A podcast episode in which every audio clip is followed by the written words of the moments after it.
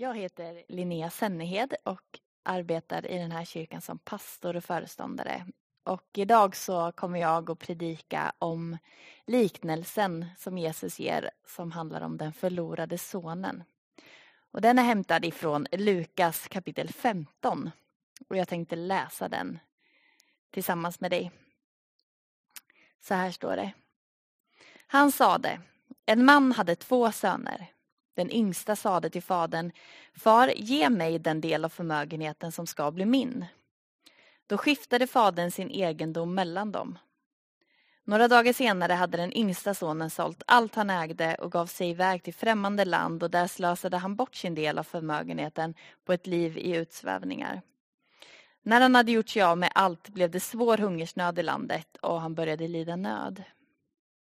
Han gick ut och tog tjänst hos en välbärgad man i det landet och denne skickade ut honom på sina ägor för att vakta svin. Han hade gärna velat äta sig mätt på fröskidorna som svinen åt men ingen lät honom få något. Då kom han till besinning och tänkte hur många daglönare hos min far har inte mat i överflöd och här svälter jag ihjäl. Jag ger mig av hem till min far och säger till honom Far, jag har syndat mot himlen och mot dig. Jag är inte längre värd att kallas din son. Låt mig få gå som en av dina daglönare. Och han gav sig hem till sin far. Redan på långt håll fick fadern syn på honom. Han fylldes av medlidande och sprang emot honom. Han omfamnade och kysste honom.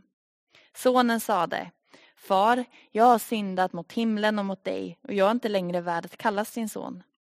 Men fadern sa till sina tjänare, Skynda er och ta fram den finaste dräkten och klä honom i den och sätt en ring på hans hand och skor på hans fötter och hämta gödkalven och slakta den så ska vi äta och hålla fest. Min son var död och lever igen. Han var förlorad och är återfunnen. Och festen började. Men den äldste sonen var ute på fälten. När han på vägen närmade sig huset hörde han musik och dans. Han kallade på en av tjänarna och frågade vad som stod på. Tjänaren svarade, din bror har kommit hem och din far har låtit slakta gödkalven därför att han har fått tillbaks honom välbehållen. Då blev han arg, han ville inte gå in.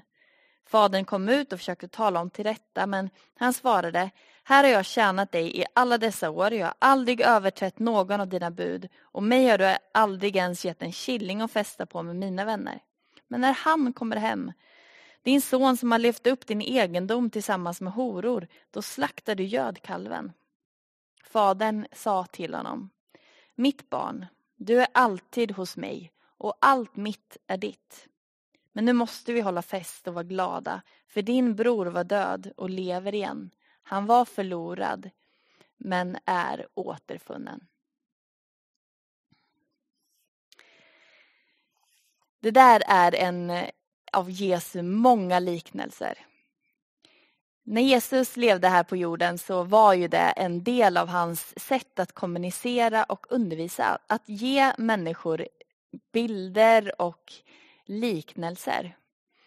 Och man skulle ju kunna tro att det där var ett superpedagogdrag av Jesus. Att det var liksom ett sätt att, att eh, på ett enkelt pedagogiskt sätt visa vad han menar.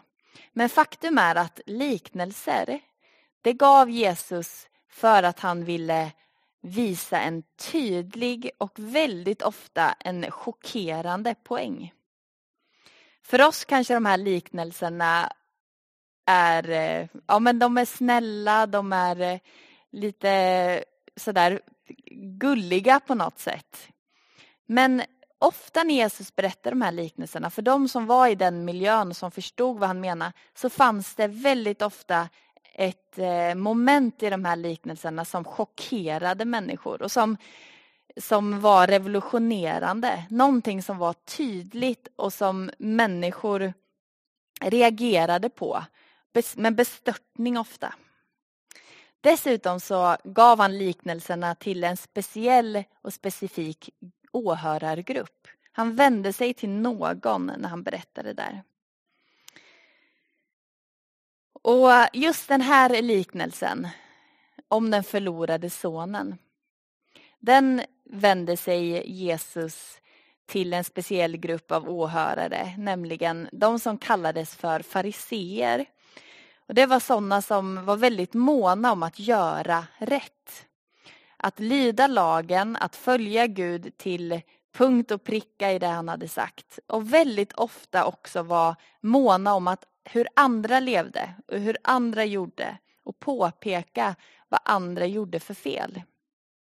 Och vi kan se i Lukas 15 att det är just dessa människor som Jesus eh, riktar sig till.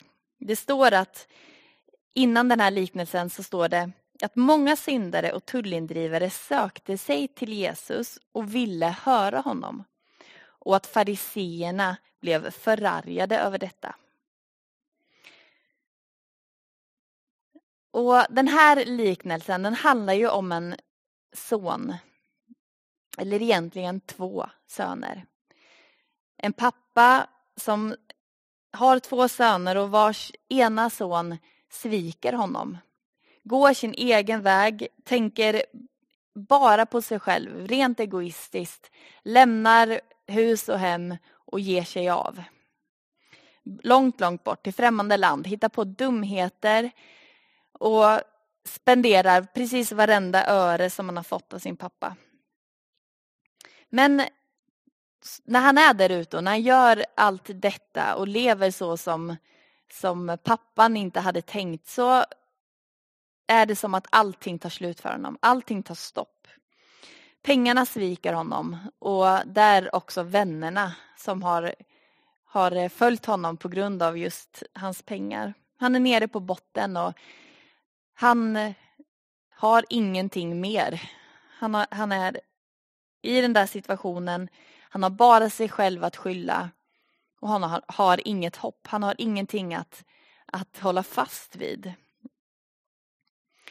Och i det här momentet i berättelsen så är det självklart för den som lyssnar och för den som lyssnade då när Jesus berättade att den här killen får skylla sig själv.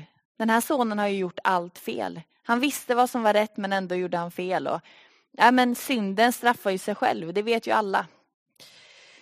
Ingenting som är särskilt uppseendeväckande eller märkligt där och då. Men så kommer vi till det där momentet när sonen ångrar sig. Visst, det är också en del av det, av det naturliga, att han ju är hungrig och att han vänder sig tillbaks till sin pappa. Det man kan förvänta sig, egentligen det enda som jag tror att de förväntade sig som lyssnade, det var att han skulle få ett ordentligt straff. Att sonen som återvänder hem skulle få göra det just i skam och skuld. Att få sona sin, sitt brott. Men i den här berättelsen så möter vi någonting helt annat. Och det är där i som den här chockerande och revolutionerande insikten görs. Att pappan bara springer emot sin son. Att vi förstår av berättelsen att pappan har sörjt sin son under den här tiden han har varit borta. Han har väntat, han har stått på långt avstånd står det att han får syn på sin son och att han reser sig och börjar springa emot honom. Att pappan väljer att förlåta.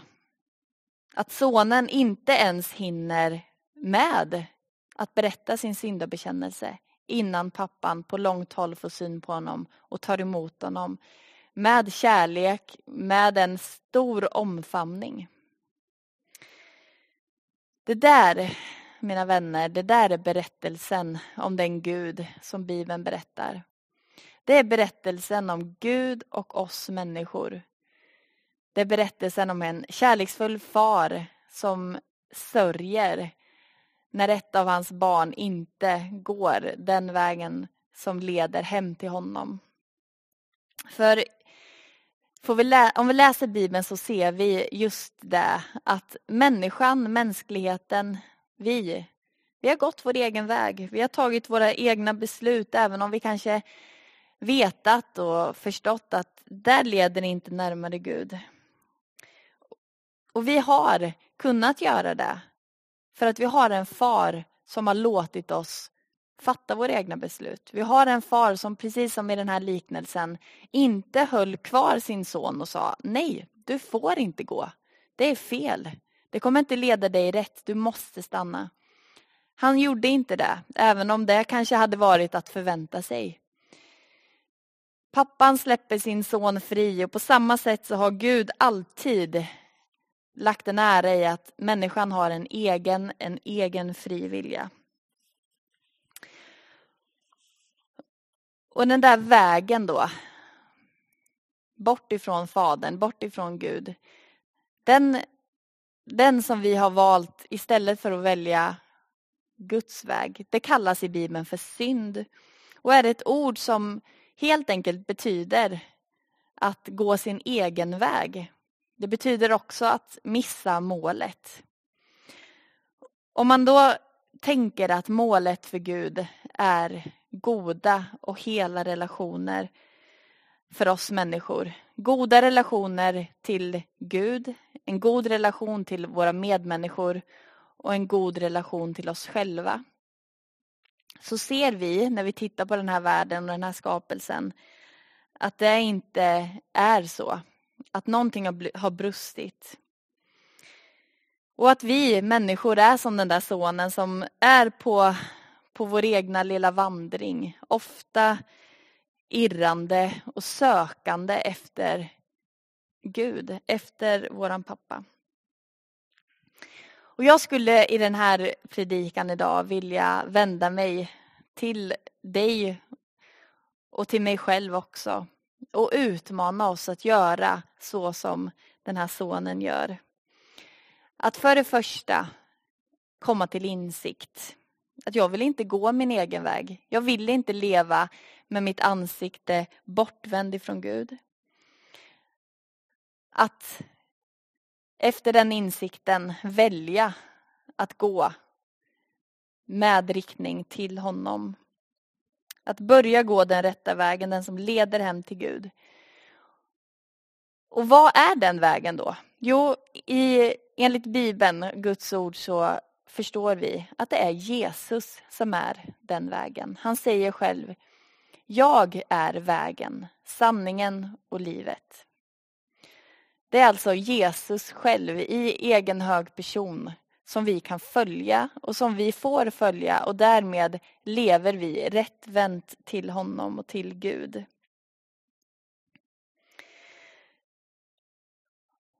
Och det är en inbjudan. Det är en kallelse. En kallelse som Gud skickar ut till alla människor. Ett enda stort inbjudningskort till mänskligheten. Kom! Följ mig. Lev inte liksom med din, på ditt eget vis vänt bort ifrån mig utan vänd ditt ansikte till mig. Och Gud har alltid sitt ansikte vänt till oss, till människorna. Han söker och han längtar efter att vi människor ska i, ja, men igenkänna den där inbjudan och tacka ja till den. Och jag tänker att den där liknelsen, den, den är ju som sagt, den handlar ju om två söner.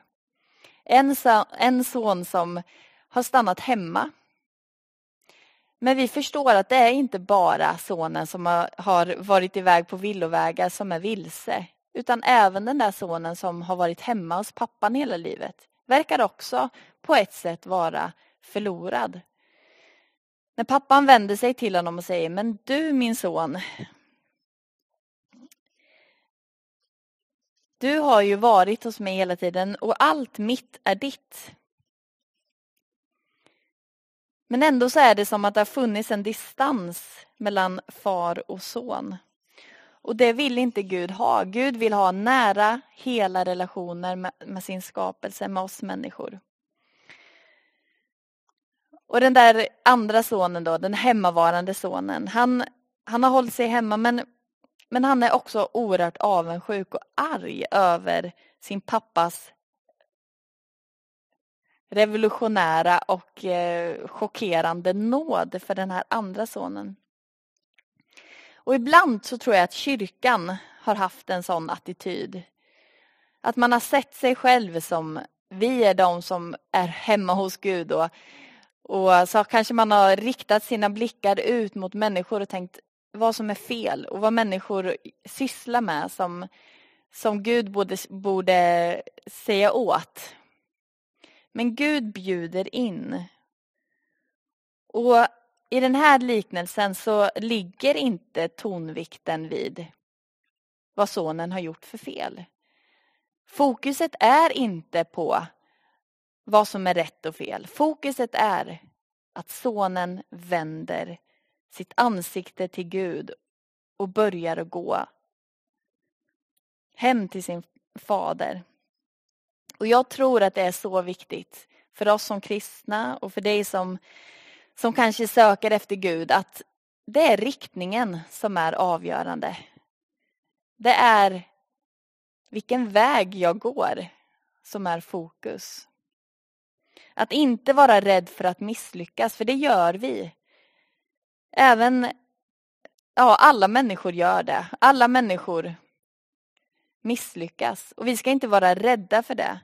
Utan vi vet att i, när jag lever med mitt ansikte vänt till Gud så vet jag att, att han har en förmåga både att förlåta mig, att resa mig upp igen och att, att jag får fortsätta vandra, att jag får fortsätta gå. Det är inte misslyckanden som definierar oss. Och det får inte vara det. Vi får inte se det som det, det avgörande för om jag följer Jesus eller inte. Utan går jag till honom? Har jag mitt fokus på Jesus? Är jag på den vägen till honom? Det är den stora frågan att ställa sig. Och det är också den frågan som jag vill ställa till dig idag. Vart har du din riktning? Har du ställt in ditt fokus på att, att gå till Jesus, att komma till honom? För Jesus kallar på dig. Han kallar på oss människor och han vill att vi ska följa, att vi ska få gå och vara hos honom. Och jag tänker ibland på hur blommorna är vända till solen. Hur, hur blommornas blad ständigt liksom vänder sig riktning mot solen. Så tror jag att vi människor får göra. Att Gud säger vänd dig till mig. Vänd dig, låt mig få lysa över dig. Lite som den här välsignelsen som är så vacker som vi ofta uttalar över människor. Att vi ska få, att Gud ska vända sitt ansikte till oss och lysa över oss. Det är någonting helt fantastiskt.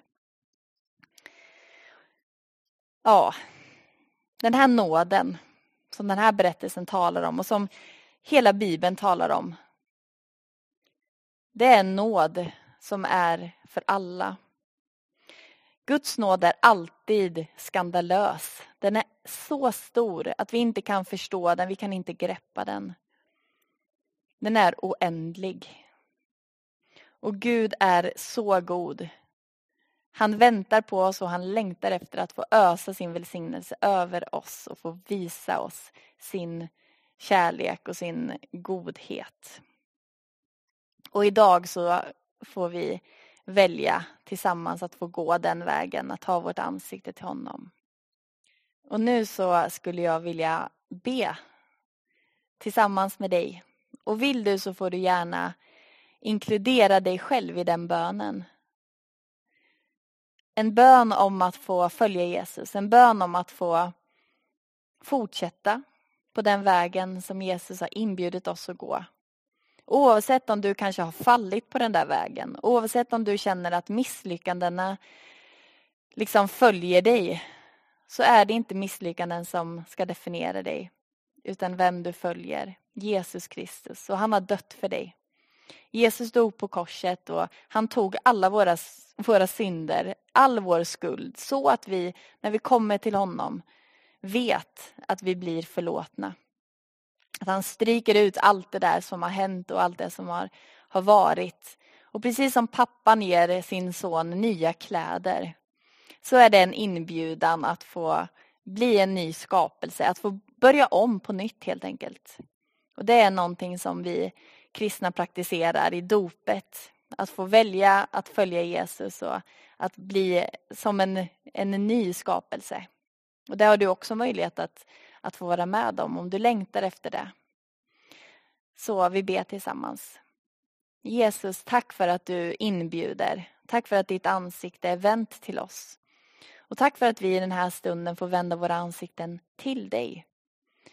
Och tack för att du ständigt lyser med din närvaro och med din kärlek över oss människor. Jag vill be för den som längtar efter att få vända om till dig. Jag ber om mod. Jag ber om, om kraft att göra det som man vet är det bästa. Att få följa dig, du som är vägen, du som är sanningen och du som är livet. Tack för din nåd som är oändlig och som är så fantastisk. Amen.